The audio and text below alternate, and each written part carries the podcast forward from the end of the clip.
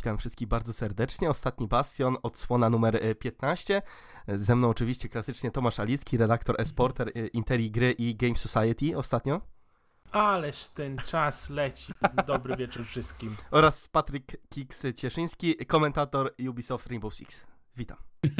I nie tylko, oczywiście, ale niech będzie. Witam serdecznie was wszystkich.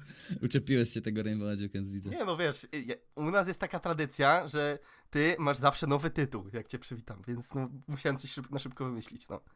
Nie ma Dobrze, co. niech będzie. Przyjmuję. No i długo nas nie było, niestety standardowo mnie przez pięć weekendów e, z rzędu w domu nie było, nie było czasu kiedy nagrać e, ten podcast przed e, finałami Proligi, ale jest 23 lipca, w końcu gremialnie naszym, naszą wspólną trójką udało nam się zebrać i w końcu w pełnym wymiarze ten podcast dla was e, nagramy. Co dzisiaj mamy Tomek dla was do pogadania? Powiem ci, Jukens, że masz rozpiskę przed nosem, to co zadajesz głupie pytania? No ale ty Mamy- zawsze prezentujesz temat. Mamy tonę kontentu, panowie, mamy tonę rzeczy do omówienia.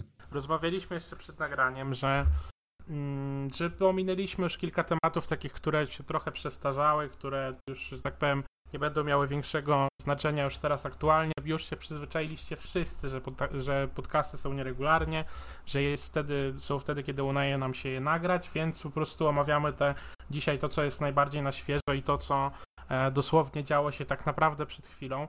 No i zaczynamy od tego, na co chyba wszyscy czekaliśmy już od, od, od naprawdę długiego czasu, no mianowicie ten gameplay reveal e, Modern Warfare, tak? Konkretniej gameplay gunfightu, czyli takiego nowego trybu 2v2, do czego za chwilę przejdziemy. Generalnie cała impreza wygląda tak, że do Infinity Ward zostało zaproszonych czterech czołowych streamerów Call of Duty i nie tylko, bo był jeszcze Courage. E, I e, panowie pograli sobie w e, właśnie to 2v2 przez jakąś tam bodajże godzinę. Półtorej godzinki było. O, no, półtorej godzinki. Posiedzieli tam sobie, zebrali po, chyba około 150 tysięcy widzów na samym Twitchu. Em, postrzelali do siebie, nawet udało nam się przejrzeć kilka map. Dosyć regularnie zmieniały się bronie. I zanim przejdziemy do samego trybu, zanim pogadamy sobie na czym sam tryb polegał i tak dalej, pogadajmy o takich pierwszych wrażeniach, o tym co, em, co wam przyszło do głowy tak na, jakby na, na pierwszy rzut oka i o czym pomyśleliście na, na samym początku. To O, rozpocznie. biorę, biorę, Tak. biorę na siebie. Pierto. E, uczucie, uczucie ciężkości, uczucie dużo wolniejszego tempa, to oczywiście mówimy o pierwszych wrażeniach, jakie, jakie odniosą z tego gameplayu w stosunku do tego, co przez wiele lat e, naprawdę było bardzo podobne z roku na rok praktycznie, więc e, uczucie zmienności i poczucie naprawdę czegoś innego. Ja, zresztą Tomek, no byliśmy na żywo razem Tak, E, z chciałem na chwilę też podczas e, tego streamu. Razem siedzieliśmy tu na, e, czy to na Discordzie, czy na tym speaku, już nie pamiętam. W każdym razie siedzieliśmy, rozmawialiśmy, komentowaliśmy na żywo to, co widzieliśmy przed kamerami mówiliśmy sobie jasno, że ta gra po prostu, gdyby ktoś nam powiedział, e, że to nie jest Call of Duty, tylko jakakolwiek inna strzelanka, nowe, nowe IP czy cokolwiek, po prostu byśmy uwierzyli, bo naprawdę e, wyglądało to inaczej niż dotychczas. I jedyne, co dla mnie najbardziej wskazywało, że to jest dobre stare Call of Duty, po prostu po prostu layout graficzny, interfejs, e, hitmarki podobne, menu, licznik, licznik rund i tego cały, cały ekwipunek czcionka jak z Modern Warfare'a, więc bardziej ten taki interfejs był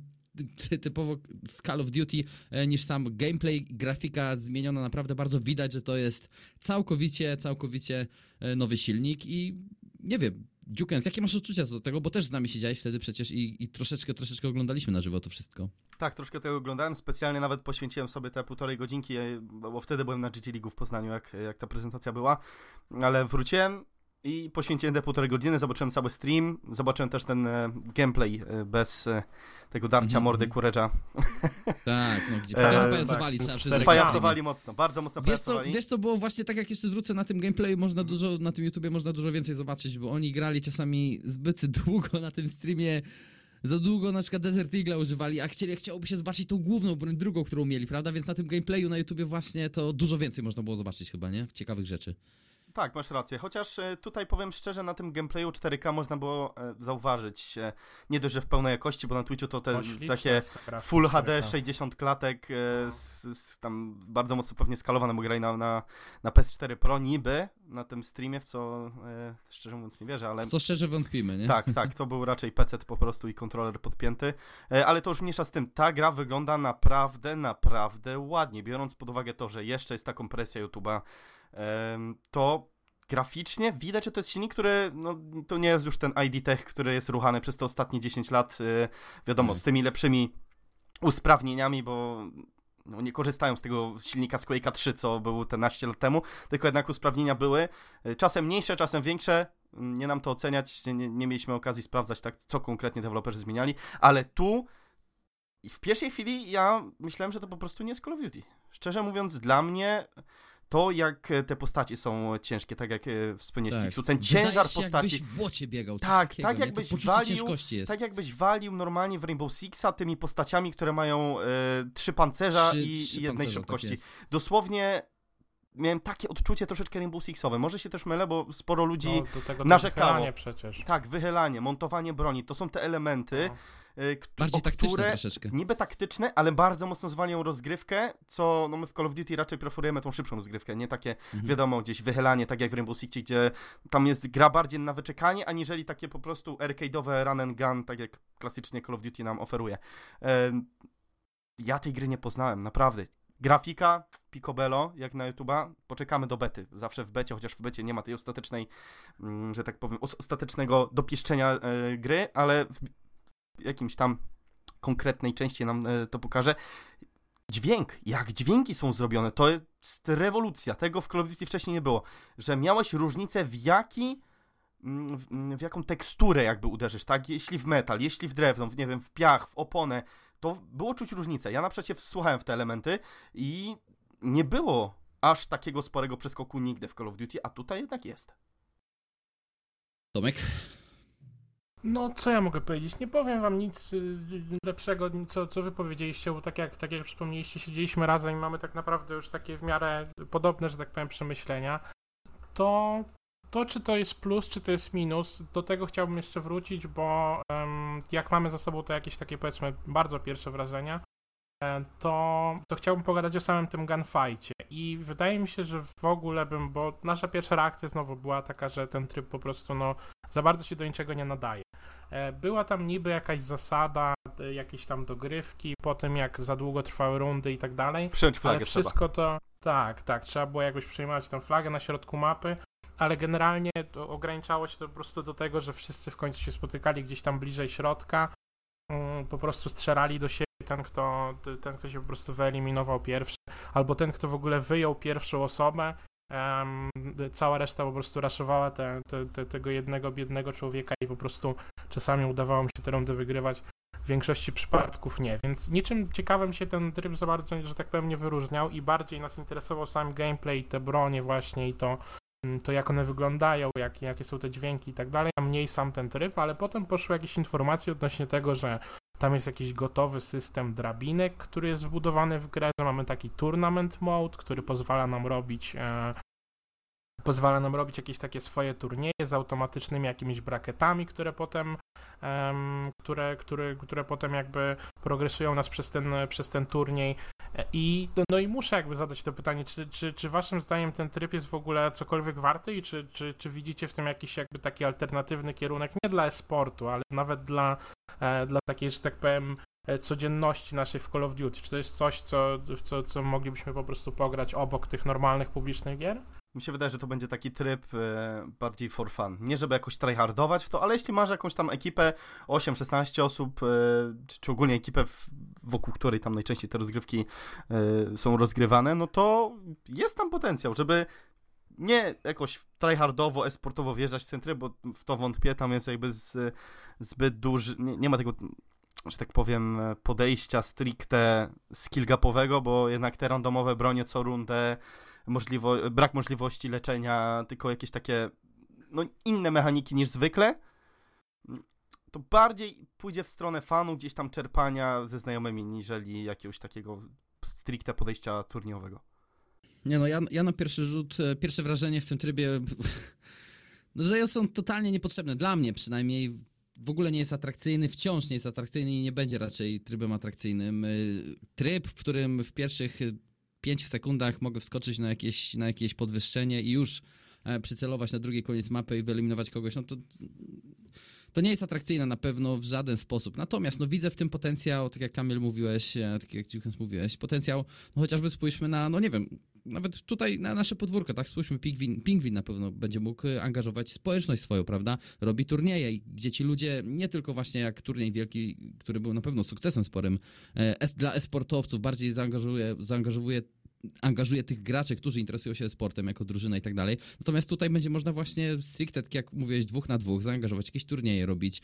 E, na pewno sporo właśnie content creatorów się na ten tryb według mnie rzuci, przynajmniej taki potencjał jest do angażowania jakiejś części swojej tej casualowej, takiej niedzielnej e, społeczności, więc na pewno będzie miało to pytanie, Tomek, to właśnie on będzie miał swoje miejsce, na pewno będzie miał swoje miejsce, ale czy to będzie jakiś większy potencjał dla, dla jakiegoś szerokiego gremium, to myślę, że to raczej, raczej nie bardziej casualowo.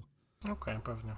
No, tak jak powiedziałem, tak naprawdę chyba bym nie zadał w ogóle tego pytania, gdyby, gdyby właśnie nie to, że, że zaczęły chodzić jakieś tam plotki właśnie o tych, o tym tournament mode i tak dalej. Zastanawiałem się po prostu na ile oni chcą, um, chcą się zaangażować jakby właśnie w pchanie tego trybu gdzieś tam e, do przodu, ale no, mnie to się z tym heistem też skojarzyło. Pamiętam, że gra, był ten heist w becie Black Opsa 4 i mnie się nawet podobała ta idea, ja, ja jej przez chwilę broniłem, ale potem się po prostu wyszło na to, że no, ten tryb wyszedł, wyszedł razem z grą, ale tak naprawdę no, nikt dalej tego, e, tego w ogóle jakby nie popchnął do przodu i, no i sami wiecie, co się z nim stało. No nikt chyba z nas w niego w ogóle nie grał od kiedy, e, od kiedy ta gra wyszła, tak naprawdę. Także, także wiadomo, zobaczymy jak to będzie. No i z powrotem do tych, e, z powrotem do tego gameplayu i z powrotem do tego, co właśnie o tej, no bo to wiadomo jak to jest. Zawsze ktoś będzie niezadowolony, tak? Tak jak to już ktoś słusznie powiedział, rewile Call of Duty rzadko kiedy wypadały dobrze, I, a w ogóle nie było przypadków, kiedy wszyscy by e, usiedli i doszli do wniosku, że no to jest po prostu jakaś absolutna rewolucja. I no faktycznie było trochę żartów z tego Rainbow Sixa, było trochę żartów z właśnie z tej ciężkości, z tego, że ten, ten gameplay będzie taki dużo bardziej taktyczny. Mnie bardziej, wiadomo, że tak jak mówi Dukens, zobaczymy kiedy będzie beta, zobaczymy też 1 sierpnia, do czego niedługo przejdziemy, w sensie za chwilę przejdziemy, żeby wszystko było w miarę jasne. Um, ale pytanie, czy ten kierunek, bo o tym realizmie słyszymy już od naprawdę długiego czasu. Widać, że odrzut jest, jest dużo, dużo większy. Wiadomo, że tam te, wszystko w tym trybie było losowe, ten loadout był losowy na początku na początku każdej rundy, więc czasami były rundy, gdzie był shotgun czy jakaś broń z jednym dodatkiem albo z samym scopem, z drugiej strony potem był jakiś e, jakiś tam MP7 czy MP5, który było po prostu fully stocked e, aż po, aż po same jakieś tam po prostu końcówki, lufy i tak dalej, po prostu miało wszystko, o czym można było sobie zamarzyć. I faktycznie strzelało do niemalże w punkt, ale pachnie tym realizmem i, i czuć właśnie to nawet w tym chodzeniu, tak jak mówicie, nawet to, że, że jest to wychylanie, że, celowniki, że trochę czuć cel, tego Rainbow zwróciliście uwagi na Właśnie, celowniki. to sam Kiksu mówiłeś podczas nawet tego naszego Mm. live reveala, że celowniki się pozmieniały. Czy to jest kierunek, którego oczekiwaliście po prostu od Modern Warfare? A jeżeli nie oczekali, oczekiwaliście takiego kierunku, czy, czy to jest waszym zdaniem jakby coś, co, co, co może jakby wyjść na dobre temu naszemu Call of Duty następnemu? Wiesz to, ja myślę, że zmiana, jak dla mnie oczywiście, bo już miałem e, zmęczenie materiału na pewno, jeżeli chodzi o Call of Duty o mnie. Gra taka jak Black Ops 4, która niesamowicie mi się podobała na premierę, w którą naprawdę e, na samej premierze, po samej premierze poświęciłem sporo czasu, jak na ostatnie lata w Call of Duty w ogóle. I nawet tytuł, który uznałem za jeden z lepszych przez ostatnie lata, nie potrafił mnie przyciągnąć na dłużej niż te, te parę początkowych miesięcy, więc ten model gdzieś e, tej, ten live service, tak, tak nazwany, gdzieś ta aktualizacja, nowe operacje i tak dalej, to mnie nie przyciągnęło na dłużej, bo to było bardziej lub mniej jedno i to samo. I może taka rygorystyczna zmiana, która no wydaje mi się, że taka zmiana silnika, zmiana fizyki, bo ta fizyka się zmienia, mamy animację, prawda, egzekucję, coś czego wcześniej nie było, również widzieliśmy na tym gameplayu, to, to nadaje troszeczkę nowej e, dynamiki, e, ta cała fizyka, ta ciężkość, no zobaczymy, mówię, musimy na pewno dostać swoje, e, tą grę w swoje ręce i sami przetestować, zobaczyć, czy, bo ja pierwsze wrażenie mam naprawdę pozytywne i czekam już na tą betę, jak dawno nie czekałem na żaden na żaden tytuł z ostatnich lat. I no, liczę naprawdę, że miło się zaskoczę i przyciągnie mnie tym razem e, Call of Duty na więcej niż e, 3 miesiące. Dziukans, powiedz mi coś, czego nie wiem. Coś, czego nie wiesz. No, no, ciężko będzie mi tu powiedzieć, ale nie tego się spodziewałem, szczerze mówiąc. Ja sp- spodziewałem się powrotu znów do takiej klasyki, ale z większym liftingiem graficznym, właśnie z wprowadzeniem jakichś takich nowych elementów fizycznych. A tutaj, tak jak Kiksu powiedział, e, egzekucje, takiej, a tu widzimy rewo- rewolucję zupełnie. Tego się nie spodziewałem. Tego. Promowali to, ten tytuł, jak wyszedł y, trailer, teaser nawet, że ta gra będzie takim powrotem do takiej klasycznej, prostej rozgrywki w Call of Duty. A biorąc pod uwagę to, jakie były dostępne dodatki, te celowniki, o których Mm. powiedzieliście, y, chwyt pionowy, jakiś tam pochylony, bardzo mocno to idzie w stronę y, Battlefielda, mam wrażenie. Kurczę, Bo w tym, no Battlefieldzie, nawet... daj mi tylko Tomek skończyć, y, te uchwyty w Battlefieldzie, jeden działa bardziej na, na odrzut poziomy, drugi na pionowy i tutaj znów to nie idzie w stronę takiego uproszczenia rozgrywki, tylko bardziej właśnie skomplikowania. I czy my tego potrzebujemy w Call of Duty? Czy potrzebujemy pierdzielenia się z dodatkami? To jest to, o czym chciałem powiedzieć za chwilę, co wam wrzuciłem z nienacka w rozpiskę, bo zupełnie o tym zapomniałem. Em, Gunsmith, który został zapowiedziany dosłownie wczoraj, było takie ładne, krótkie wideo, na, Mhm. czy taka animacja na Twitterze. Jak to dziuka Jak- zakreślił gunporn. Gun. Tak, dokładnie, gunporn. Taka ładna animacja tego, jak się zmienia tam po prostu broń z różnymi tymi dodatkami. I do tego dorzucili krótki blogpost na, na blogu Activision. I oni tam napisali, że, że to jest dokładnie to, o czym mówi Dziukas, że wiadomo, możemy sobie, będziemy sobie mogli zmieniać te, te bronie primary i secondary, że e, będzie można aż do pięciu części e, broni customizować y, w, jakby w, w tym naszym loadoucie, ale że na przykład na jarce to jest aż 9 różnych jakby fragmentów broni, które będzie, będzie można jakoś modyfikować. To jest strasznie dużo. I to No faktycznie wskoczę zaczyna i- pachnieć jakby zupełnie inną grą. I tu wskoczę, Dziukens, ty miałeś okazję, nie wiem Tomek, czy ty miałeś okazję przetestować. Yy, gra polskiego studia World War 3. A, nie, nie, nie. Ja Ale nie słyszałem. To mi naprawdę, to mi naprawdę zapachniało tą kustomizacją podobną, jaka jest w tej grze. Jest niesamowicie głęboka kustomizacja w tej grze. To jest oczywiście strzelanka to również e, bardzo modernistyczna, bardzo na nasze czasy, gdzie no ja miałem okazję przetestować, e, nawet troszkę sporo. Pograłem sobie w tą wersję wczesne, wczesnego dostępu i tam kustomizacja broni jest niesamowicie głęboka i ja powiem szczerze, było to jedno z fajniejszych elementów tej gry. Oczywiście oni po, w momencie, kiedy oni wprowadzili potem e, ten tak, tak zwany paywall, że musiałeś po prostu grindować, żeby odblokować pewne rzeczy, bo na samym początku wszystko było odblokowane, więc mogłeś się bawić, e, plac zabaw, miałeś wszystkie zabawki w piasku, wszystkie tutaj foremki, mogłeś się bawić jak tylko chciałeś, no ale w momencie, kiedy oni tam zablokowali, że musiałeś trochę pogrindować na jeden celownik, drugi, trzeci i tak dalej, to już e, przestałem się tym bawić. Ale ten początek, kiedy wszystko miałem, e, naprawdę był przyjemny ja powiem szczerze, mi się to bardzo podobało, bo e, pograłem troszeczkę w te WW3 i mi się ta kustomizacja podobała, była jednym z fajniejszych elementów tej gry, która naprawdę sprawiała, że mogłeś tą samą bronią robić różne style gry mieć, e, różnie podchodzić do, do rozgrywki i to było naprawdę ciekawe.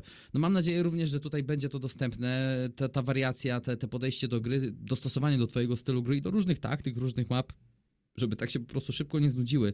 Również, żeby meta się zbyt szybko nie zapiekła po prostu w jednym miejscu, że będziemy widzieli jedne i te same bronie, e, chociażby na e-sporcie, ale do tego jeszcze pewnie dojdziemy. To jest jedna wielka niewiadoma, jak to będzie w ogóle wyglądało.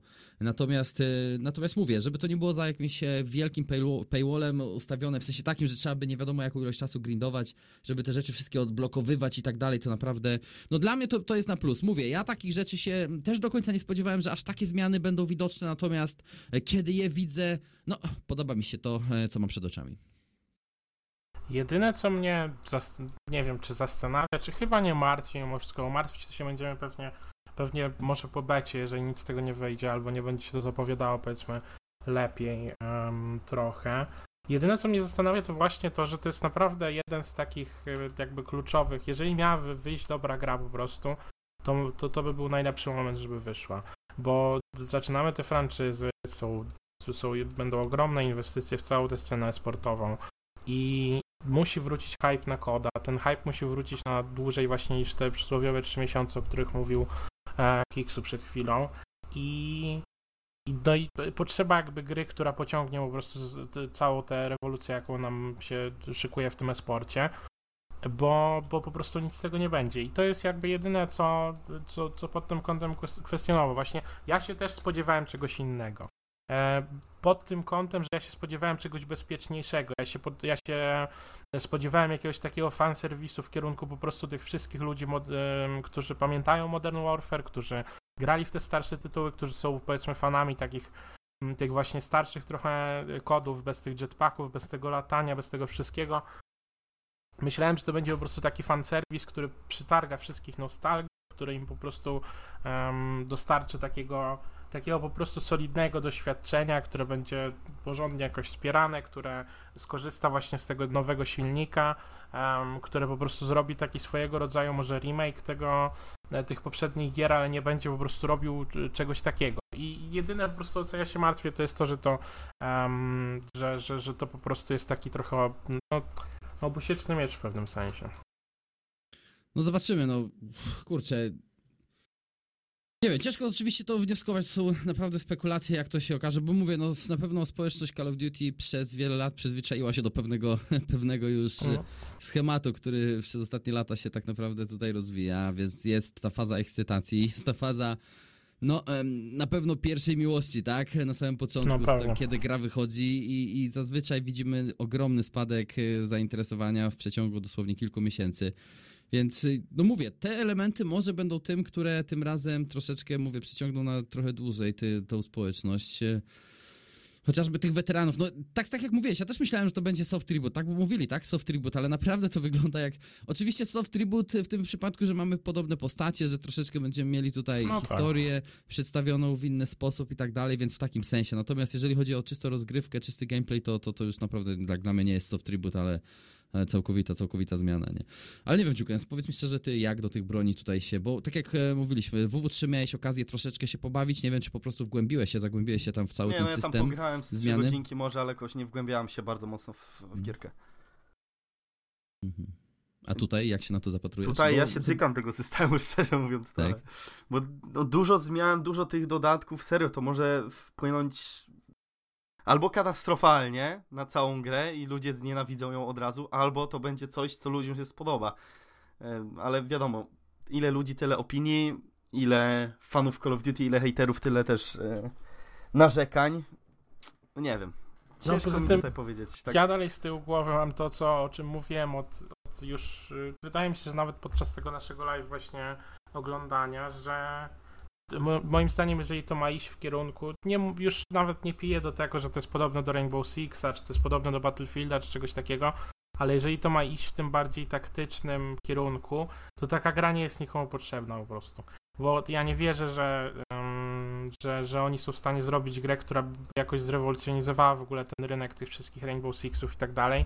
Nie wierzę, żeby byli w stanie jakoś powiedzmy realnie z tym konkurować, szczególnie jeżeli wypuszczają grę jedną na rok, tak? I nie wiadomo, co się za ten rok stanie. A Call of Duty zawsze, powiedzmy, część tych ludzi, albo tych ludzi, których do, do siebie prze, przekonywało, przekonywało właśnie dzięki temu, że to był gameplay, no którego no ciężko teraz znaleźć tak naprawdę podobny gameplay do tego, do tego koda, więc pod tym kątem, no, pod tym kątem się właśnie martwię. I pod tym kątem wydaje mi się, że Dukens jest bliżej właśnie tego, co, o co ja się martwię, niż, um, niż właśnie tego, tego jakiegoś nawet takiego optymizmu ze strony Kiksa. Ale tak jak mówię i tak jak słusznie powiedział też Kiksu, zobaczymy, bo gdybać to my sobie zawsze możemy i bardzo często nam się to zdarza, czy to przy okazji jakiejś tam Rostermanii, czy, czy jakiejś tam dyskusji o grach i, i jakichś revealach. Także jeżeli panowie nie macie już więcej nic do dodania, to ja tylko zapraszam na 1 sierpnia, tak? I przypominam o tym, że w, że w czwartek 1 sierpnia będzie ten, e, ten reveal multiplayera, a nawet uniwersum multiplayer, jak to oni pięknie nazwali. I wtedy się mamy dowiedzieć wszystkiego, tak? Ten Gunsmith, który, o którym się dowiedzieliśmy, to jest taki też taki, powiedzmy, teaser czy fragment tego, co, co będzie powiedziane. regularnie tam było kilka tweetów, czy widzieliśmy regularnie kilka tweetów od Infinity Wars, które powtarzało, że to nie jest Rainbow Six, że e, Gunfight to nie jest jedyny tryb w tej grze, że ta gra będzie miała dużo więcej rzeczy do zaoferowania, no i będą mieli okazję to udowodnić, no na razie w teorii, um, będą mieli okazję to udowodnić podczas, um, podczas właśnie tego streama 1 sierpnia, także no myślę, że wtedy wrócimy, tak, i wtedy wrócimy już z takim konkretnym gdybaniem. Czyli takim gdybaniem nie opartym na 5-minutowym gameplayu i korerze, który się darł po prostu przez półtorej Mhm. godziny, tylko na, na takim konkretnym gdybaniu, który będzie po prostu oparty na tym, co usłyszeliśmy od, e, od deweloperów. No i oczekiwanie oczywiście na, na betę. Także y, tym optymistycznym akcentem kończę część grową. Tak mi się wydaje. I przechodzimy do tej części sportowej i kolejnego wydarzenia, które obok tego reveala Modern Warfare, y, no bardzo mocno na to czekaliśmy. Czyli jeden, no w sumie jakby, jakby nie patrzeć, dwóch najważniejszych y, turniejów w roku w sezonie Call of Duty, czyli finały Pro Liga, które się odbyły, o, które się odbyły w weekend. I no, zadziało się, panowie. I znowu idąc, e, idąc może tą, tą drogą, em, w ogóle wrzuciłem zły link w rozpiskę, tak mi się wydaje. To jest jeszcze inna sprawa, albo coś źle. A nie, dobra, źle coś kliknąłem. Bo tak patrzę, że Optik wygrał i tak sobie się, kurczę, bla. Nie, nie, nie, Ale by było. legendy, legendy. Nie, to Właśnie. Proliga jako ta faza zasadnicza dać link, dlatego. Właśnie, a tu Optik z solidnym top 8. No i e, dobra, właśnie, zacznijmy właśnie od tych pierwszych, od tych pierwszych wrażeń, od tego, zacznijmy tak jak zaczęliśmy z tym revealem. E, Jak wam się, panowie, turniej podobał? Dobra, to, to ja zacznę bardzo szybko i bardzo krótko. Dla mnie to było preludium do tego, co nas będzie czekało w sierpniu na Championship. szansach, czyli na najważniejszych turnieju. Ja zacieram ręce, bo to, co się działo na, tych, e, na tym właśnie finale Pro Ligi, pokazało, że jest wiele niewiadomych, jest wiele kandydatów do tego tytułu. e, I drużyny, które wydawały się, że po prostu powinny się przejechać przez konkurencję, naprawdę zawiodły. Drużyny, które były skazane na porażkę, pokazały się z naprawdę dobrej strony.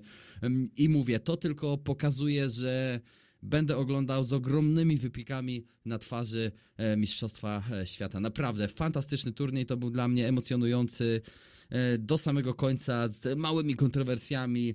Liczę, liczę również na takie same emocje podczas champsów. Bardzo ciekawy turniej. Powiem szczerze, że nie spodziewałem się, że Envy przegra. Ja Nie też, no. Ale wszyscy wiemy, że oni i tak na champsy są gotowi, więc... No tak. Czekałem na swoją drabinkę. No ta drabinka jakby czekam na losowanką. Czekam na losowanko. No właśnie nie wiem, bo wiemy, że już pulsy częściowo są rozłożone. Em, bo drużyna, która z Open Bracketu sobie wygrała, to ma seed numer dwa zaraz obok United. Nie wiem na jakiej zasadzie ten rozkład pulsów będzie wyglądał, ale nie ma tu jeszcze nic uzupełnionego na e, e, No nic, w każdym razie, no Optik nie wygrał nawet mapy na tym turnieju. No. Coś e, Tak jak Od Envy, począ- ta sama tak jak forma. Envy. Ale zupełnie nie rozumiem jednej rzeczy. Dlaczego oni decydują się na zmianę ról przed dwoma najważniejszymi turniejami w roku? Dla mnie to jest bzdura totalna. Wiadomo, że te, Ale te ich role, nie które jest to taki motyw, motyw optik, oni troszeczkę w ogóle przez cały okres tego sezonu ciągle próbowali gdzieś Oni eksperymentowali, tak, zmiany, ale wiesz, no są, eksperymentowali. e, raz to wychodziło, raz nie. są playoffy, totalnie zmiana mm, tego, czym gra TJ, tego, że TJ gra Ruinem. Dla mnie to jest no troszeczkę dziwne, szczerze mówiąc, bo to nie tylko ja tak mówię, to mówi Pacman, Tak. to mówi Nameless. On jakby Hmm. gra Ruinem na Saugu to jest najcięższa rola dla gracza. I żeby się ją nauczyć, to naprawdę dużo czasu trzeba y, stracić na nauce, a no tego czasu teraz, kiedy do Champsów zostało dwa, trzy tygodnie, Trzy tygodnie. no to, to raczej nie jest okres, żeby teraz nagle testować i zmieniać, przebudowywać tę całą funkcjonalność drużyny. A jednak Kurczę, powiedzmy no. sobie szczerze, że w, przy tych poprzednich rolach radzili sobie bardzo dobrze. Ale gdy już trafiali właśnie na drużynę typu Gen G, typu United, typu 100 Thieves, na te drużyny mieli największy problem odnieść zwycięstwo w tym starym systemie um, funkcji w drużynie. Ale już na te słabsze teamki, właśnie typu LG, typu um, Face, no Face teraz nie jest słabszym teamkiem, ale nawiązuje do, jakby do fazy zasadniczej. Tak, tak. No tam mieli sobie równo. Ale ten ostatni tydzień, ten cross-divisional, jak Optic zagrało właśnie mm, tymi funkcjami, jak, jak teraz na playoffach, no to no nie wyglądało to przekonująco. No właśnie, ten case TJ'a to jest, bo to, te role właśnie to jest to, co też chciałem poddać pod dyskusję i dodać w sumie do tego, co powiedziałeś, że e, raz, że y, jakby nauka tej roli konkretnej jest, czy w ogóle swojej nowej roli jest, jest, jest bardzo, bardzo takim długim i, i też powtarzalnym zadaniem i też takim, który wymaga dosyć dużo cierpliwości. Ale kolejnym problemem jest to, że no, nawet jeżeli TJ się zacznie jakby przyzwyczaić do tego swojego ruina i zaczyna rozumieć powiedzmy o co chodzi, jak tym grać i tak dalej, to przeciwko nim w tych najlepszych drużynach stoją osoby, które grają tym ruinem przez rok na przykład. Grają nim wszystkie screamy, które tak naprawdę mają cały sezon ze sobą doświadczenia, powiedzmy, tą konkretną klasą. Poza tym to jest, no tak jak mówisz, no nie bez powodu to jest właśnie jedna z tych trudniejszych, jeden z tych trudniejszych specjalistów. Sam ten grapple przecież zmienia ogromnie dużo. Ostatnio był jakiś tam post na chyba Code Competitive, czy gdzieś tam, który pokazywał dosłownie kilkanaście, czy no chyba z kilkanaście jakichś spotów y, na grapple, żeby, żeby jakby dostać się na, na różnych mapach do, że tak powiem, w, w miarę bezpieczeństwa, bez, bez jakby jakiejś tam walki. I to jakby, sam ten fakt pokazywał jakby, jak, jak bardzo jakby złożona jest ta gra pod tym względem i jak dużo, jak dużo się po prostu dzieje i jak dużo jakby się wygrywa takimi powiedzmy rzeczami, których nie widać na, na tym, na, na kasterze, tak, których nie pokazują komentatorzy czy nie widać ich na realizacji, bo to nie jest tak, że no wystarczy po prostu dobrze zultować, tak? Czy wystarczy nie zrobić jakiegoś tam slack, po prostu ulta, czy coś takiego. Um, a to, to jakby nie, nie tylko o to chodzi, tak? Więc to jest, no, mnie to też bardzo dziwi i znów, no nie chcę jakby na to, na to wszystkiego zrzucać, bo Optik już, już nawet samo poruszanie powiedzmy tego tematu mnie po prostu doprowadza do szału, bo to ile razy myśmy już rozmawiali o tym, o tym, co się działo, jak już przeszliśmy przez ten uroczy honeymoon period po tym, jak e, Optic wygrało każdy, każdy ten event online, potem przyjechało, wygrało pierwszy turniej i, i faktycznie była ta dominacja, była rewelacja i tak dalej.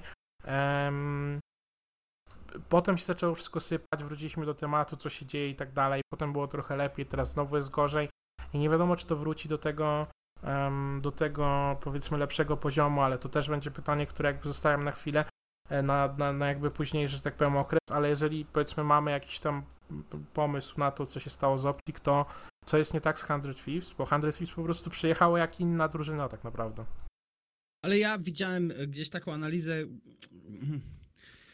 to było chyba po tych ich e, zwycięstwach w ostatnim turnieju, bo oni wygrali dwa wcześniejsze turnieje, tak? E, pod rząd. Tak. Czy trzy? Dwa, dwa. Dwa, dwa. back to back było. No. I, tak, back to back. I oni murowali się na faworytów. Oni przez konkurencję się przejeżdżali tak naprawdę w tych, w tych zawodach. Wyglądali świetnie. Widać, że zaczęli grać w końcu swoje. E, co też cenię bardzo, bo nie była to drużyna, która pomimo tego słabego startu w sezonie, na pewno ten start był nieraz, pamiętamy przecież, jak się wszyscy śmieliśmy, że tylko wyczekiwać zmian w składach i zaraz i tak dalej, całych tych roszad. To się nie stało. Zawodnicy ze swoimi problemami się uporali. E, wywalczyli ostatnie dwa e, zwycięstwa na hmm. ostatnich dwóch zawodach lanowych. Wyglądali świetnie i widziałem taką nie pamiętam kto teraz, czy to na analiz desku, czy to w jakichś dyskusjach, że ktoś im życzył, żeby żeby po prostu, krótko mówiąc, przegrali kolejne zawody, bo zaczęli się czuć zbyt pewnie, jakby to powiedzieć, zbyt pewnie zaczęli się czuć, że zaczynają być nie do pokonania, zaczynają być drużyną, na którą nie ma tak naprawdę mocnych ich konkurencji i ktoś musi na nich e, wlać e, kubeł E, zimnej wody, żeby może się w końcu ocknęli przed najważniejszym turniejem, e, najważniejszym turniejem w sezonie, czyli na Mistrzostwach Świata, e, które, tak jak już wspominaliśmy, za trzy tygodnie. No tą drużyną była jako pierwsza oczywiście drużyna Face, Face a potem drużyna Genji, więc na pewno ten kupeł no zimnej wody na tą drużynę spadł. Tak, obie te drużyny były w ogóle w top 3. Więc no, ten kubeł zimnej wody spadł na drużynę 100 Thieves i, i, i według mnie to będzie ten element, właśnie ta porażka, wbrew pozorom, e, według mnie może być e, czymś pozytywnym dla mm, drużyny 100 Thieves na champsy. Uważam, że to jeszcze właśnie zarumieni, zarumieni te mistrzostwa tym, że te drużyny, które troszeczkę zagrały poniżej oczekiwań i wiem, że się będzie śmiali, ale również myślę, że Envy, że drużyny, które zagrały poniżej oczekiwań jeszcze e, naprawdę coś, chociaż Envy ciężko o nich mówić e, tutaj, pomimo tego, że wiecie jak to jest, nie? Nie, nie można być przesądny. Wszyscy mówią, że kiedyś ta pasa się musi skończyć, ale jak to nie myśleć, e, że Ace znowu się nie przygotuje po słabym sezonie na mistrzostwa, na mistrzostwa świata z drużyną. Zobaczymy, potencjał jest na pewno w składzie. Natomiast mówię, no może ten kubeł zimnej wody będzie tym, co drużyna 105 potrzebuje. A co do Optic Gaming, ciężko, po, ciężko mi tak wnioskować, czy to jest kubeł zimnej wody, bo myślę, że oni nieraz podczas tego sezonu um, ten kubeł zimnej wody na głowę mieli wylany już. Więc ciężko mi mówić. Natomiast e, słuchajcie, no Luminosity. Luminosity podniosło się z kolan, podniosło się z ogromnego dołka, w którym się znaleźli. E, wszyscy już ich skazywali na porażkę, a te dwie szybkie zmiany w składzie, które przed tymi, przed tymi finałami e, i jeszcze wcześniej przed paroma kolejkami zaprezentowali, no pokazały, że drużyna wraca na nogi i wydaje mi się, że będzie naprawdę walczyła, bo no 3-0 na Optik, e, wyjście oczywiście od pierwszej rundy z play-inów. Nie no, szczerze Ja mówiąc, nie wiem. ja też nie jestem przekonany co do tego LG. Fakt, faktem, zrobili progres, ale czy zrobili progres, jakby zbudowali takie podstawy, które wystarczą, aby osiągnąć cokolwiek na czempsach? No, tym, no kurczę, no nie mieli łatwych, się. nie mieli łatwych rywali. No kogo mieli w playinach? Jeszcze rzucę okiem, bo yy, mi Play-in domknęło. zagrali strasznie przecież. Play-iny LG. I 3-1 na Units, 3-1 na Midnight. No I to, nie są czołowe 3-1, drużyny. które były naprawdę A takie... potem 3-2 na Heretics, 3-0 na Optik, no i 1 do 3 przegrane na Face. I to jest, znaczy, ja się zgadzam, że grali dobrze. I ja się zgadzam, że kurczę, no yy, i Reciprocity grało dobrze, tak? Mamy Reciprocity w top 4, ale Tam Dylan To grał do- dobrze, trzeba powiedzieć. Top cztery. umówmy się, Top 4. Tam Dylan tak grał dobrze. no to, tak, no w tym przypadku Dylan grał dobrze, ale umówmy się, no jeżeli um, 100 Thieves grałoby tak, jak, jakby grać powinno, tak? Jeżeli Optic by grało tak, jak grać powinno, to ani Luminosity, ani Reciprocity, ani moim zdaniem United nie jest na poziomie takim, żeby pokonywać te drużyny, które myśmy widzieli jakby w po, poprzednio w tym roku. I to jest takim, moim zdaniem, w sensie to są fakty, to jest dobry placement, który moim zdaniem jakby nie zwi- może zwiastuje jakąś tam rywalizację. No to jest dobry fundament, na którym można by było lepszą to grę moim zdaniem postawić. nie po prostu. zwiastuje. To jest fundament, na którym można było dobrą grę postawić po prostu i tyle. No, to jest, to jest może dobre stwierdzenie, bo ja się no, Reciprocity się bardzo cieszę, bo, bo to... Fajnie zobaczyć w pełni europejską drużynę w końcu lekko za podium, no. Dokładnie, mamy, mamy Scrapsa w top 3, mamy całe EU w top 4, także, także na to na pewno dobrze, dobrze popatrzeć. No i to top 2 to jest, to jest też właśnie temat do dyskusji, no bo tutaj, no moim zdaniem mimo wszystko jest jakaś tam granica pomiędzy, e, pomiędzy może, może tym top 3, a całą resztą powiedzmy tej stawki, ale czy, bo to United to jest tak naprawdę mój, moje główne pytanie teraz, bo ja, tak jak już mówiłem, no za bardzo w nich powiedzmy nie wierzę, albo nie wierzę w ich umiejętności powiedzmy na czempsy. Jeżeli zakładając oczywiście, że wszyscy grają na poziomie, na jakim by powinni grać, ale rozmawialiśmy o tym przy okazji Anaheim i rozmawiali o tym praktycznie wszyscy. I Maven, czy Nameless, czy ktokolwiek, kto tam był, kilka osób po prostu na analiz desku powtarzało w kółko to samo stwierdzenie, że e, United jest teraz w formie, która jest, jest w składzie i wtedy jeszcze było w składzie, który jest najbliżej jakby wygrania turnieju najwyżej jakby takiej swojej faktycznie powalczenia o champsy i tak dalej, niż byli od, no, od bardzo, bardzo dawna. Myślicie, że jakby to. Jak, jakby, jak oceniacie w ogóle ich, ich poziom w tym, e, w tym turnieju? Bo to mnie ciekawi jakby najbardziej. Czy myślicie, że taki United, jaki widzieliśmy po prostu tutaj, byłoby w stanie wygrać też, też z tymi, z tym chociażby 100 Thieves, jeżeli już nawet zostawiamy Optik powiedzmy jako przykład tej drużyny, która mogłaby wygrywać? No nie wiem. Szczerze mówiąc, United może i nie zagrało jakiegoś. Powiem tak, oni zagrali lepiej na. Nie w Las Vegas, tylko. E, teraz mi uciekło właśnie. Czy, czy to faktycznie było może Las Vegas? Przed Anaheim, czy kiedy? Nie, czy on, nie, nie, na pierwszym majorze chyba. Mi się wydaje, że oni na pierwszym majorze zagrali znacznie lepiej. Oni mieli po prostu sporego farta w rozstawieniu. To był ten finał z Optik, to o tak, tym mówisz? tak, tak, tak, to tak, było tak. Fort Worth, tak? E, Nie, to było Las Vegas. Tak, to było Las Vegas, to był pierwszy major. Oni, mam wrażenie, zagrali wtedy A, tak. znacznie, znacznie lepiej. Z Jacobem jeszcze w składzie, dokładnie.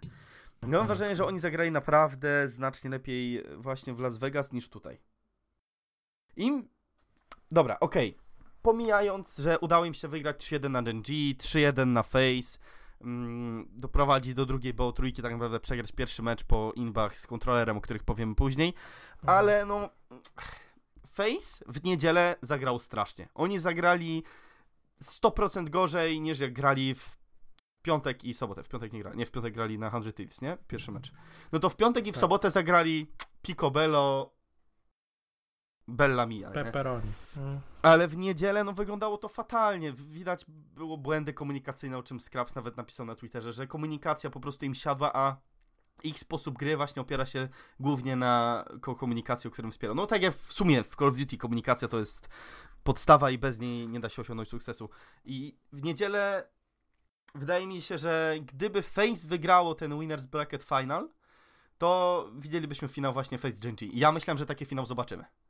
Ale to No, jak zagrali to jest- Final, Ale słuchaj, to... ja to już powtarzam, gdybanie, gdybanie, Tak, gdybanie, gdybanie, gdyby ale- ci, gdyby tamci, gdyby Dobra. te, no to nie ma, jest jak jest. I też Oczywiście. według mnie mówienie, że United miał słaby, słabą, roz, lepszą, dobre Ja- ustawienie w tabeli, to jest totalnie Nie, chyba nie, niesłuszne. nie, o tym nikt nie Reciprocity, mówi. No. Genji, no ale przewinęło się coś takiego, że dobrze przylosowali e, gdzieś tam. Przy... No, uważam, że zagrali świetnie. Ja powiem jedno, United gra niesamowicie jako kolektyw. Tam nie ma po prostu takich e, graczy, może na jednym czy drugim trybie bardziej, ale uważam, że to jest niesamowicie drużyna, która gra świetnie drużynowo, która nie zapominajmy, miała najlepszy wynik e, na Prolidze z obu dywizji. 18-4. E, tak, nie zapominajmy, że oni również tam był crossplay, więc grali również z drużynami z drugiej dywizji.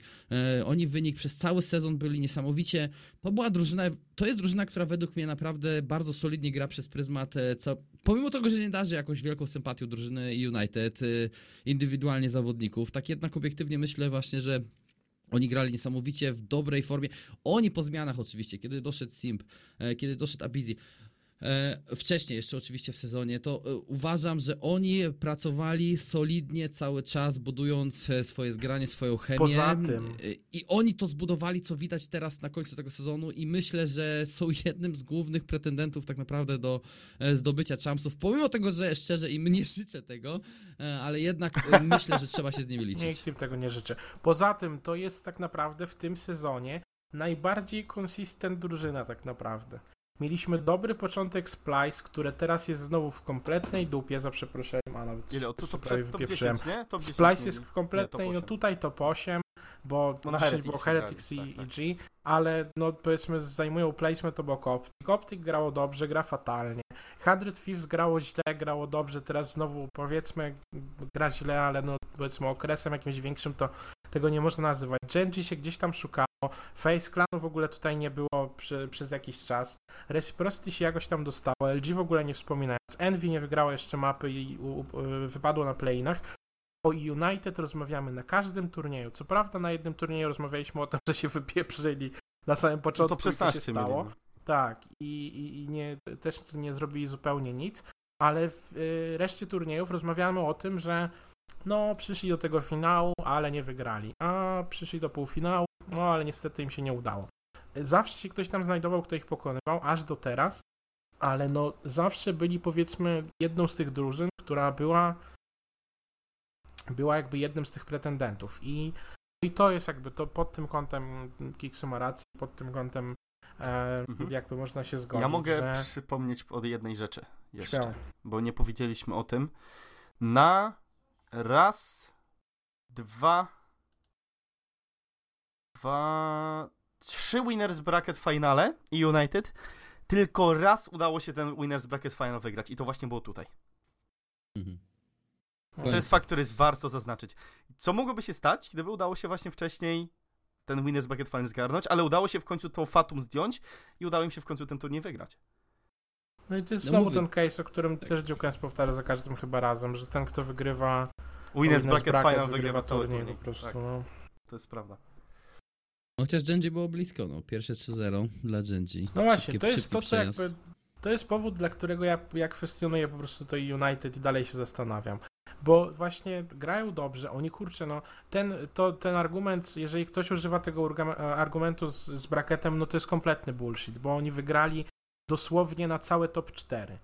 Wygrali 3-0 z Reciprocity, 3-1 z Genji, wygrali 3-1 z Face I potem, no potem wygrali w dwóch PO5. Ja tak może przesadzam, bo nie lubię tego United w sumie. Ja, no, tak nikt nie lubi United, no. no umówmy się. Dajcie Ja, spokój. ja Clayster jedynie nie się cieszę, że, United że, że. Kleja, że Klej wygrał, że zbił te 1400 no, dni. To jest element, z którego można się cieszyć. Ale tak, to mam to w dupie. No. Tak, no to wiadomo, to jest taka strasznie bezpłciowa drużyna, tam jest Clayster po prostu jakichś czterech ludzi. To, co pisałem wam na tym, e, na, na, tej, na tej naszej grupie na Facebooku, no ja też ich nie lubię, nikt ich nie lubi, bo tam po prostu nie ma nikogo mądrego. Jak sobie zobaczycie ten ich Ascent cały, cały czy Ascent, czy jak to się tam nazywa, ten ich program na YouTubie, no to jest straszne. To jest tak, że Clayster tam po prostu skacze jak małpa w zoo, robi jakieś po prostu rewelacje, a potem jak kamera jest na kimś innym, to oni siedzą z, z rękami w kieszeni i kiwają głową. No i to, cała drużyna tak wygląda. Ona jest taka po prostu, no, no po prostu taka nudna, ale no tak jak, tak jak mówię, grali świetnie, mieli trudny braket, przez który udało im się przejść. Jedyne, co mnie zastanawia po prostu to, to to, że przechodzisz po prostu po takiej rewelacji i grasz świetnie, po czym nagle odstawiasz 0-3 na Genji, które przed chwilą grało mecz i, i które ma za sobą p- p- powiedzmy no też już więcej spotkań niż ty. Może się musieli wdrożyć, może musieli coś tam e, coś tam powiedzmy ogarnąć. Bardzo też szanuję adaptację potem e, w tym drugim BO5, zmianę trochę ty, tych pików i banów, że znowu nie lecimy na pałę jak większość drużyn, czyli no gramy to samo, nie siadło chłopaki, tylko że faktycznie ktoś pomyślał, że a, może powinniśmy zagrać coś innego, może powinniśmy coś tam pozmieniać, no i no zmiana diametralna, tak jak widać, bo No mądry z ten 0-3 Facento. zrobiło się 3-0. Mądry No więc właśnie. Więc to jest coś takiego, co jakby sprawia, że ich jakoś tam kwestionuje. Ale no tak jak mówi Kiksu, może, może trzeba to właśnie traktować jako taki właśnie zwiastun świetnych champsów, no i, i patrzeć na to, na to z tej perspektywy, bo, bo naprawdę może być bardzo, e, bardzo ciekawie. I no właśnie, przejdźmy, zanim przejdziemy dalej, to, to właśnie przejdźmy do tego, o czym, o czym wspomniałeś już Kiksu przez chwilę, ten controller issue, bo to się zaczął już temat taki, ten, te, te problemy z padami, które były zarówno w finale, jak i generalnie podczas turnieju, o czym nawet tam Karma jeszcze pisał na Twitterze. Co tam się stało, Dziukens? Tam po prostu lubią się kontrolery w trakcie gry wyłączać. Bo ze względu na to, że większość graczy, większości graczy nie odpowiada y, kształt y, albo pada od PlayStation, albo pa- pada od Xboxa, to jest swoją drogą. Jeśli chcą podłączyć pada od Xboxa do PlayStation, muszą mieć Kronusa podpiętego. A Kronus generuje też opóźnienia. Kronus zmienia troszeczkę działanie tego pada y, i nie tylko, jeśli im padnie pasuje. Jest też drugi aspekt. Sony nie dopracowało mm, tej opcji, którą dodało, oj, bardzo długi okres e, czasu temu, to, że można było oprzeć działanie pada tylko o kabel. Wyłączenie całkowicie Bluetootha i działanie pada tylko właśnie na kablu. I ta opcja ekskluzywnego kabla po prostu nie działa tak jak trzeba. I z tego względu ym, ten Kronus wchodzi w grę a te kronusy nie działają jak trzeba po prostu. Czasami powodują to, że e, pady przestają działać, płytki stykowe zaczynają się przepalać i tego typu e, elementy. No cóż, i akurat w najważniejszym meczu e, Claysterowi przestał pad działać i Mm, no, zażądali ja tutaj meczu. wskoczę, ja tutaj wskoczę, to mm, chyba musisz doczytać, Jukens, bo Clayster było widać na powtórce, nawet to było wszechmi wobec mówione.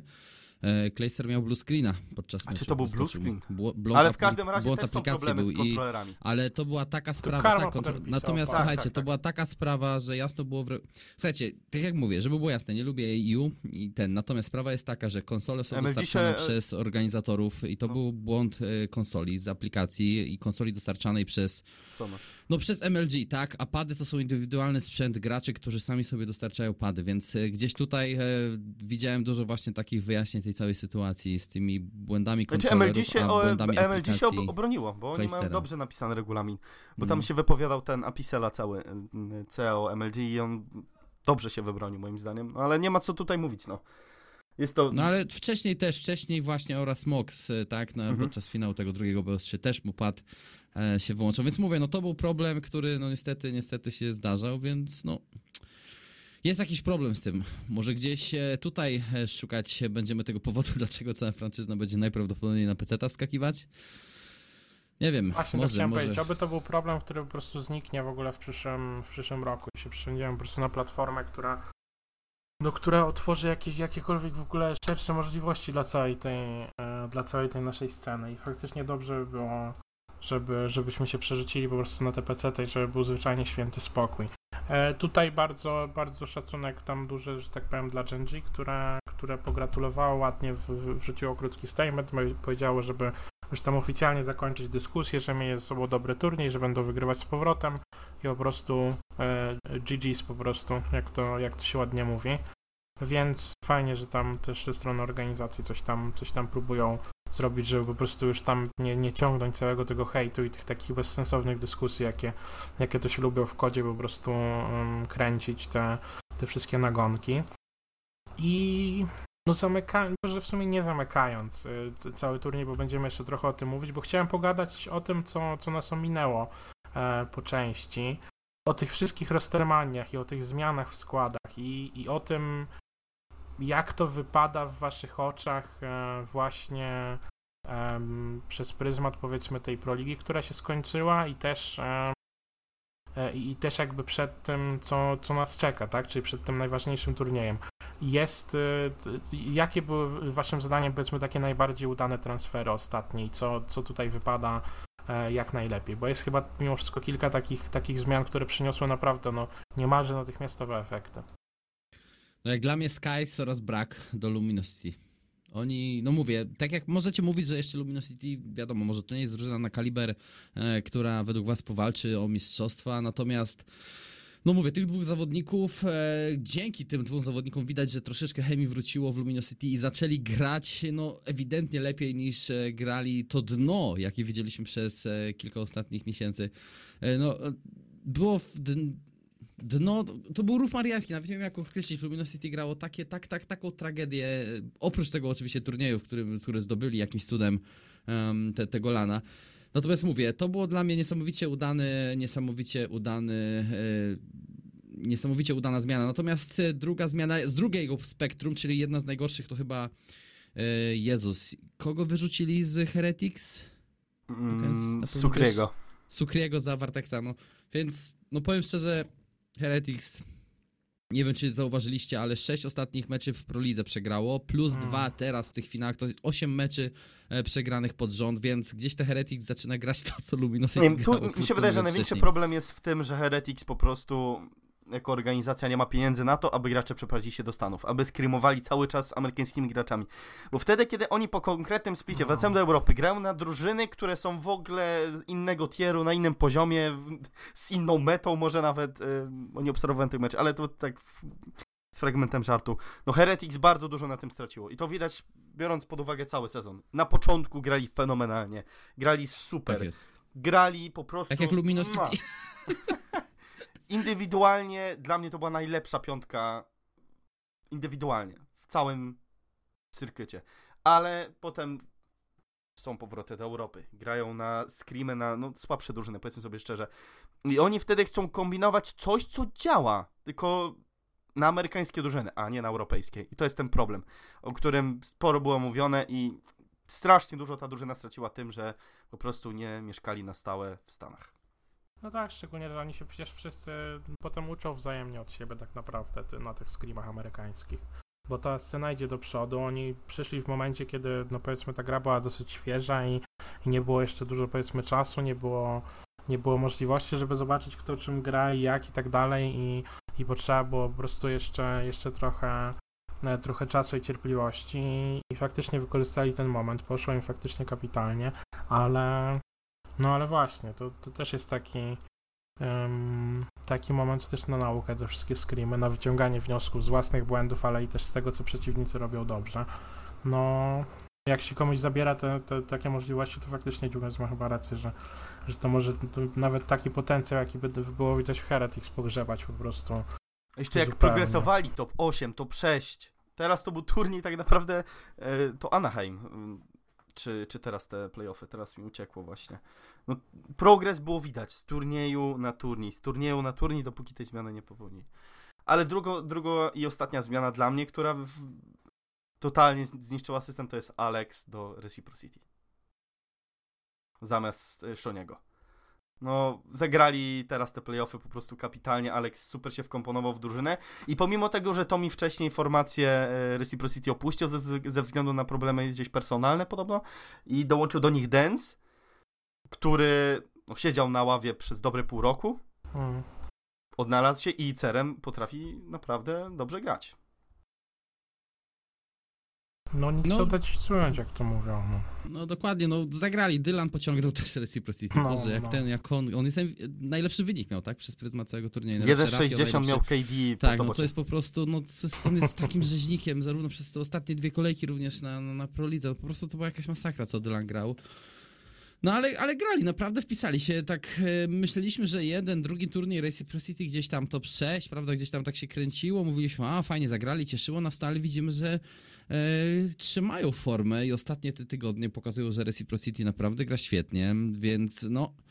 Powiem szczerze, również możemy z jakąś lekką nadzieją tutaj nie tylko na poszczególnych zawodników jak face europejskich, natomiast na całą ekipę europejską patrzeć naprawdę możemy pozytywnie i z jakimiś lekkimi, lekką nutką nadziei, że coś e, może w tych champsach e, namieszają. No właśnie, bo przecież na Fort Worth Reciprocity zajęło trzecie miejsce. Jeszcze wtedy z Mm. Tommy Mistrzami w Mm. składzie.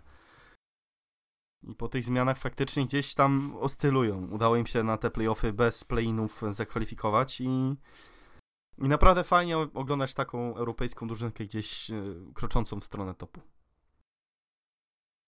A Tomku, dla ciebie zmiany, które są najlepsze według ciebie? Już wyczerpaliśmy. Ja się najbardziej cieszę, że jesteśmy tu wszyscy we trójkę, że jest taka zmiana, że wreszcie wszyscy znaleźliśmy czas, żeby podcast nagrać. To są dla mnie najważniejsze zmiany, panowie. Ja lubię Call of Duty, ale was lubię najbardziej. No. O, pięknie. E, I żeby nie było zbyt miło, to IG nie będzie za rok w Call of Duty. Em, żeby nie kończyć na zbyt przyjemnym akcencie, no to, okazało się, że no niestety za dużo pieniążków, jak to mówią, że te 30-50 milionów, o których się już teraz mówi w, w jakichś tam plotkach, to jest niestety na IG za dużo, albo może nie za dużo, a są to może pieniądze według ich, ich zdaniem powiedzmy nie, nie warte, że tak powiem, wydania czy inwestowania i, i powiedzieli powiedzieli tam na, na. Twitterze krótko tak, że, że już ich zabraknie w przyszłym roku. Myślicie, że dużo jeszcze będzie takich tych, takich organizacji, że się będziemy żegnać, Mi się wydaje, witać z Face. Clanami, a raczej Face e, Clan akurat ostatnio były jakieś... Sydney Tornadoes? Face Clan akurat wrzucał, nie? Jakieś info na, na Instagramie bodajże, że mieli spotkanie z tą ekipą, która ma koordynować właśnie tą franczyzę. No chyba teraz jest kolej Face Clana, bo zdaje się, że ta pierwsza, pierwsza jakby spotkania należały do, do tych organizacji, które były zaangażowane tak, w Overwatch Liga. No i wy- wygląda na to, że teraz z kolei się będą pakować ci wszyscy, którzy, którzy są generalnie zainteresowani udziałem w tym w tej lidze nadchodzącej, w tych franczyzach. No nie wiem, ciężko spekulować mi. E, na pewno to jest przykre, że nie zobaczymy IG, które tam już troszeczkę, troszeczkę na pewno w tym świecie Call of Duty się pokazywało jako ta organizacja, no chociażby mistrzowie świata z zeszłego roku przecież, jakby nie patrzeć, no więc no, zobaczymy, no, e, czy te franczyzny tak naprawdę przerzedzą troszeczkę przerzedzą No troszeczkę to jest z tego, co pamiętam, chyba najstarsza organizacja sportowa na świecie. Tak, było coś takiego, to prawda. To jest y, z 99 roku bodajże jest ta organizacja. Mm. A w Call of Duty, też. no to... Hmm. No na pewno są tymi przodownikami tej sceny. Co do tego nie ma Hmm. żadnych No wątpliwości. więc na pewno jest to smutne, ale z drugiej strony, tak jak mówiłeś, Tomek, to są ogromne pieniądze i może po prostu nie chcą, nie No. widzą w tym potencjału, o którym również gdzieś e, dyskutowaliśmy za kulisami, więc no nie wiemy jak to się, jak to się skończy. Albo czekają Ale słuchaj, może zawsze na będzie potencjał, jeżeli to będzie sukces, hej, na pewno będzie drugi sezon i, i kolejne, tak jak widzimy w przypadku Overwatch Liga, więc no może wtedy wskoczą w ten wagon, e, będzie to niesamowicie popularne, wszystkich nas zaskoczy, tak naprawdę zaskoczą te franczyzy. E, i wtedy wskoczą w ten wagon, jak widzieliśmy w Overwatch League po pierwszym sezonie, po prostu została z, raz zwiększona jeszcze ilość drużyn w lidze, więc zobaczymy, no może sobie dają rok przerwy, chcą poczekać jak to się rozwinie i Nie chcą ryzykować, bo jednak Tak sporo jest. jest, psiocie, psioczenia na, na tą franczyzę, że jednak te pieniądze są naprawdę absurdalne. Jak e, linkowałeś materiał Devina Nasza, byłego CEO Counterlogic Gaming, e, który jest tam dosyć mocno inside biznesowo we sporcie, no to on mówi, że jakby pot potencjalny zwrot dla organizacji może być zerowy, albo nawet mniejszy niż zero. E, ale dużo ludzi Właśnie. psioczy, ale nie wiemy tak naprawdę, co Activision ma nam do zaoferowania. B- Code Burner, już, już nie taki Code Burner, ale w sumie zapomnieliśmy o tym powiedzieć, ale to już mniejsza z tym. Ja Ej. nie widziałem całego tego wideo. E, bo- Bzdury tam, nie ma w sumie nic takiego ciekawego, szczerze Ja to mówiąc. jak e, w widzę dłużej niż 7 minut sensora, to muszę sobie odpocząć na tak dwie godziny co najmniej. E, Ale sobie. wrzucał, wrzucał te screeny te, mm, tej książeczki, y, która zawiera te informacje o tym, jak ta cała franczyza ma działać i w ogóle. Nie jest ona teraz dostępna, bo Activision skrzętnie usuwa je Tak. z, z internetu, ale jednak Activision no to jest firma, która lubi zarabiać pieniążki, ale lubi też, gdy ewentualni inwestorzy w daną markę też są zadowoleni. A jednak 50, czy tam od 30 do 50 milionów za, za drużynkę, no to jest naprawdę dużo pieniędzy. I wydaje mi się, że może- zadowolenie tych drużyn będzie bardzo, bardzo ważne. Może EG po prostu wszystkich oszuka. Okaże się, że za rok albo wszystkich po prostu tam e, e, zrobi, jak to się mówi, w balona. Okaże się, że na przykład za rok nic nie wyjdzie z tej ligi. Ruszy, ruszy drugi rok franczyz. Okaże się, że wchodzicie sobie w black market, a tam na setnym poziomie kontrabandy kurczy slot we franczyzach, no. I co wtedy robi? EG po prostu wtedy gra 100 godzin, wbija poziom, kilka tych dziennych resetów i mamy wielki powrót organizacji, no i tyle, no. Ja to tak widzę, panowie, po prostu. No zobaczymy, to jest jedna wielka niewiadoma te franczyzny. No ale im bliżej na pewno tym więcej informacji będzie oficjalnych, więc tylko na to możemy czekać. Panowie, kończymy to. A w sumie kończy to Dziu- Dziukań, skończ dzisiaj ładnie podcast. Ja? Tak, słucham cię. Dzięki, na razie, hej. Hej. Dobra, Dobra Dziukań się żegna ostatni raz w historii tego podcastu. Nie no, dziękujemy bardzo serdecznie za to, że cierpliwie nas tutaj posłuchaliście. 15 odcinek ostatniego Bastionu. Prowadzili dla was Kamil Dziukęździuk, Patryk X Cieszyński oraz Tomasz Alicki. Dziękuję. Dziękuję bardzo. Do usłyszenia.